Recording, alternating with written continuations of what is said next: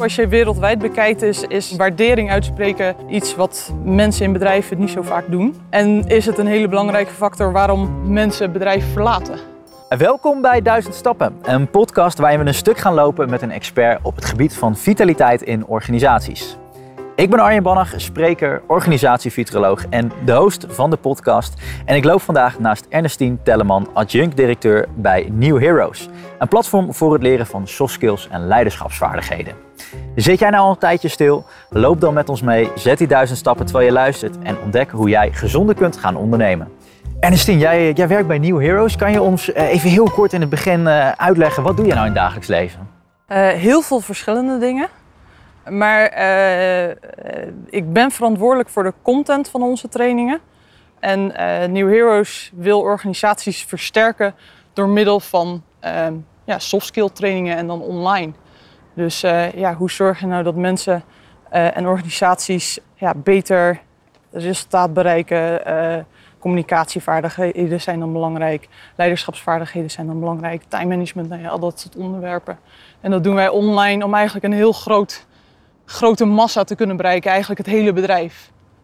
En belangrijk onderdeel daarvan, hè, om te zorgen dat je, dat je medewerkers, ja, laten we zeggen, boeien bindt en dat je ze een beetje betrokken houdt, dat is het uitspreken van waardering, het geven van complimenten. Zeker. En dat is ook een belangrijk onderdeel, of in ieder geval iets wat op de menukaart staat bij jullie. Ja. En wat ook vandaag een beetje centraal staat.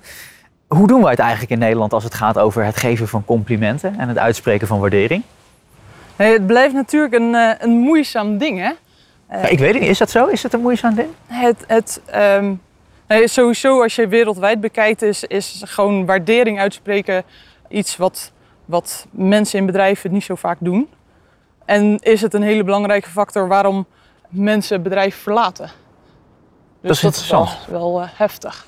Een van de redenen waarom je zegt, ik ga naar een andere werkgever, is omdat je te weinig waardering Ja. krijgt. Dat, dat blijkt uit onderzoeken. Ja, Ja, oké. En ehm, waarom zijn complimenten geven nou eigenlijk zo ontzettend belangrijk? ja, dat is eigenlijk de makkelijkste manier om waardering te geven. En Ja. dat mensen weten, hé, hey, ik doe dingen goed. En iemand die ziet dat ik dingen goed doe.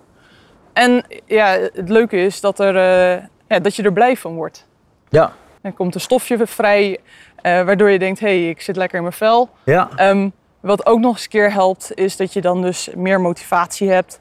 En ja, eigenlijk harder gaat werken. En wat vooral leuk is dat je zegt, dus eigenlijk, eigenlijk een, als je het eenmaal beheerst, een vrij eenvoudige manier is. Dus het is eigenlijk ook zonde als je er geen gebruik van maakt op het werk. Ja. Maar waarom doen we het dan nog niet? Nee, dat gekke is dus, ehm, ja, als we dan aan waardering denken, dat we dan vaak denken aan van ja, we moeten mensen meer geld geven, meer secundaire arbeidsvoorwaarden. Terwijl het dus in zoiets simpels zit als uitspreken, jij doet het goed. Ja, precies. Ik denk dat dat te maken heeft met, ehm, vind je dat wat mensen doen, dat dat normaal is? Of mag je het ook zeggen van, hé, hey, fijn dat jij je werk goed doet? Dus Ja. het is een soort, ik denk ook soms een beetje een soort van Calvinistische inslag van, eh, nou ja, hè, hard werken hoort erbij. Uh-huh. Dus eh, dat is de normaalste zaak van de wereld. Dus dat hoef ik niet te bevestigen dat iemand dat eh, eh, goed aanpakt. En ik denk ook dat het vaak is dat we wel complimenten geven. Maar dat er vaak ook een maar achteraan komt. Hmm, dat is interessant. Dat is interessant. Maar laten we eerst even, want dat, dat zijn mensen die dus in beginsel al eh, op zich wel complimenten geven. Maar volgens mij zijn er ook heel veel omgevingen waarin dat dus, je zegt het net al een beetje misschien Calvinistisch, dat het nog niet gebeurt. Wat zou je nou in eerste instantie kunnen gaan doen om te zorgen dat je nou een cultuur hebt waarin het misschien iets gebruikelijker wordt om complimenten met elkaar te gaan geven? Volgens mij gaat het over bewustwording dat je mag uitspreken als iemand het goed doet. En het gewoon een keertje doen. En het gewoon een keertje doen. Dus het begint, het is eigenlijk bijna hetzelfde als, eh, als, als piano leren spelen. Niet met allemaal goede voornemens komen, maar het gewoon een keer gaan doen. Ja, Ja. En, en hoe stimuleer je dat een beetje? Want er zijn vast wel dingen die je in de omgeving kan doen, eh, materieel, immaterieel, weet ik veel, om te zorgen dat het ook iets meer gaat leven.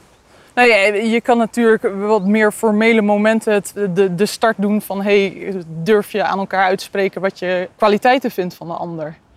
Zo'n bijvoorbeeld een kwaliteitenspel wat je kan doen waarin je echt aan iemand anders laat weten, hey, ik vind dat jij dat goed doet. Ja, En dan blijkt dus dat er heel veel onderwerpen zijn waar mensen het niet aan elkaar uitspreken ja, dat ze zien dat ze goede dingen doen. ja, precies. We passeren even een, eh, even een hond. Mooie omgeving waar we aan het wandelen zijn. Maar dat vind, ik- vind ik een hele mooie. Eh, wat je dus zegt, er zijn ook heel veel tools die, we, eh, die dus eigenlijk zijn waar je gewoon gebruik van kan maken. Ja, En als je die dan gewoon eh, als, als organisatie is omarmt, dan zorg je ook dat het misschien daarna een beetje automatisme wordt. ja en Ja. ik denk ook op het moment dat jij de eerste keer, want dat is dat gewoon doen, als jij de eerste keer een compliment uitspreekt en ziet wat het bij de ander doet, dat geeft jou een goed gevoel, geeft de ander een goed gevoel. Ehm, en dan gebeurt er al iets soort van, oh, dit is eigenlijk best wel leuk. Ja, Het is niet eng, het is niet spannend, het is niet moeilijk. Eh, nou, het geeft mij een goed gevoel, het geeft de ander een goed gevoel. Eh, het is voor herhaling vatbaar, om het zo maar Ja. te zeggen. ja. Dus dat is leuk. Je doet het niet alleen voor, je, voor, je, eh, voor, voor de ander, maar eigenlijk stiekem ook nog wel een beetje voor jezelf. Want je geeft iets en je krijgt daar zelf ook automatisch een, een goed gevoel Ja. eh, door. Ja, dat is, dat, dat, dat, is, dat is mooi. En, Ja. en eh, nou is het zo dat eh, complimenten, je zei het net al, sommige mensen die, die zijn op zich wel goed in een complimentje.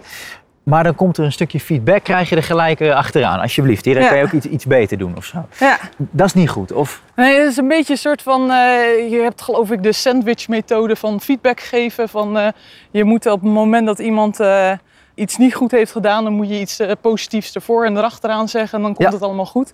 Nou ja, eh, dat is volgens mij toch ook de, vaak de neiging van mensen van, hé, hey, ik heb wat commentaar. ja, Als ik nou eerst zeg dat iemand goed zijn best heeft gedaan, heb ik een compliment gegeven. Eigenlijk ligt de focus dan op die maar. ja. Mensen Ehm, onthouden altijd het negatieve, dat weegt zwaarder. Ja, en dus dat ook aan de andere kant, die heeft helemaal niet meer dat compliment gehoord eigenlijk. Want die hoort er maar, die denkt, oh oh, wat gaat hier komen? Ehm, ja, en dat maakt eigenlijk ook eh, het hele complimentstuk. Ja, Dus ja, als je dan complimenten gaat geven, geef ze dan ook los van al het andere wat je wilde zeggen. ja. Helder. En, en, en wat, wat is dan het juiste moment om dat compliment te geven? Moet je, moet je die verzamelen eens per week doen? Moet je dat altijd direct doen? Wat, wat, wat is daar een strategie voor? Een juist moment? Nee, ik denk hoe ehm, sneller op het moment dat je het voelt, zal ik maar zeggen, Ja, eh, hoe oprechter het overkomt. Op het moment dat jij het allemaal bij elkaar verzamelt en zegt: hé, hey, ik heb eh, hier een lijstje van dingen die je goed doet, dan voelt het natuurlijk een beetje gekunsteld. ja, Dus ehm, wees je wel bewust van: hé, hey, hoe doe ik dat? En doe ik het wel vaak genoeg? En vaak denken leidinggevenden dat ehm, het niet zo heel belangrijk is wat zij denken of vinden.